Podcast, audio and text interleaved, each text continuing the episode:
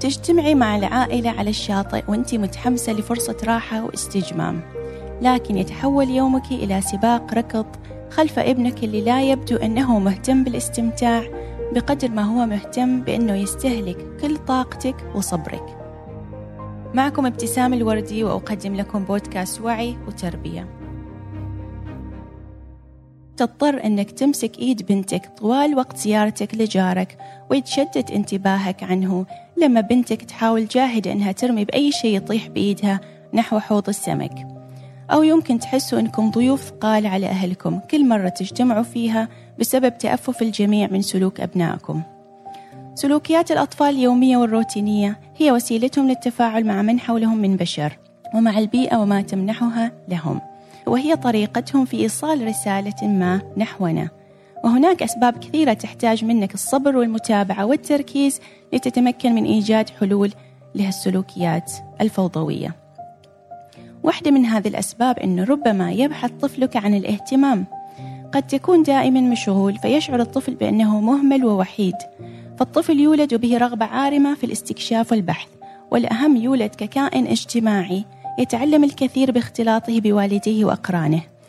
فإذا كنت ما تأخذ شوي من وقتك يوميا وتقضيه بالتفاعل معه فعلى الأرجح راح يلجأ لسلوكيات فوضوية. وقضاء وقت معه وأنت تنزل لنفس مستواه وتأخذ وتعطي معه باللعب أهم من توفير أغلى الألعاب. وأثره على هدوئه وتطوير اهتماماته ومن ثم قدرته على الاستكشاف والتعلم وحده لاحقا أكبر مما تتخيل. وقد تجد أن الطفل اللي يبحث عن الاهتمام منك لا يمانع حتى لو كان هذا الاهتمام سلبي بمعنى أنه سيمارس فوضويته. فإذا صرخت عليه فسيستمر ولن يتوقف لأنه كسب اهتمامك. وحتى لو كان الاهتمام سلبي لذا أعطه الاهتمام الإيجابي اللي راح يدعم تطوير سلوكياته الإيجابية. السبب الثاني هو كونك مربي تمشي وراء ابنك أو ابنتك ولا تتركهم يتصرفون.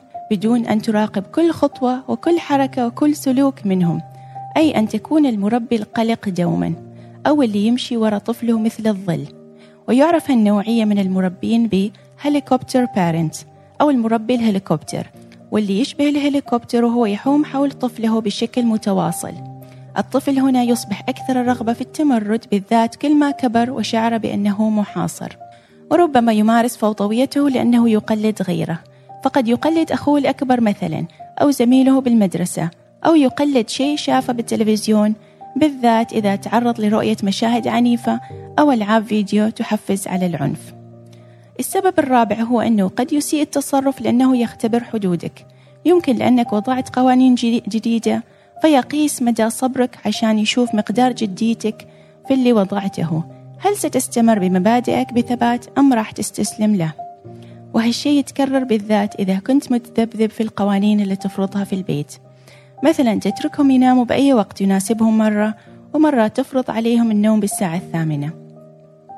أو تتركهم يرموا ألعابهم ولا يرتبوا غرفهم معظم الوقت ومرة تصرخ عليهم عشان يرتبوا كونك غير واضح يزيد من احتمالية مشاغبة أولادك لأنك لم تخلق بيئة متوقعة وروتينية قدر الإمكان.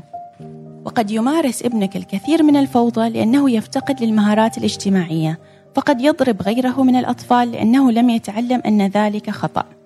أو يفتقد لمهارات حل المشكلات فيعجز عن ترتيب أغراضه أو تفاهم مع غيره. وقد يشاغب لأنه ممنوع من اللعب والاستكشاف في البيت وكل الأبواب مغلقة في وجهه. ففي أول فرصة للتحرر من تلك الممنوعات تشوفه يقفز ويمسك كل شيء ويسحب هذا أو ذاك. لذا من الضروري لك كأب أو أم أن تعلم طفلك المهارات الأساسية فهو لا يولد بها. علم طفلك من خلال التجارب الحياتية اليومية كيف يتصرف. واترك له فرصة التعلم والاستكشاف وعلمه باللعب معه ومساعدته على تغذية فضوله نحو التعلم.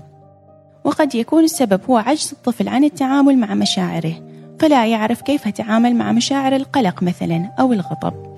فيضرب ويكسر ويصرخ ليعبر عن مشاعره.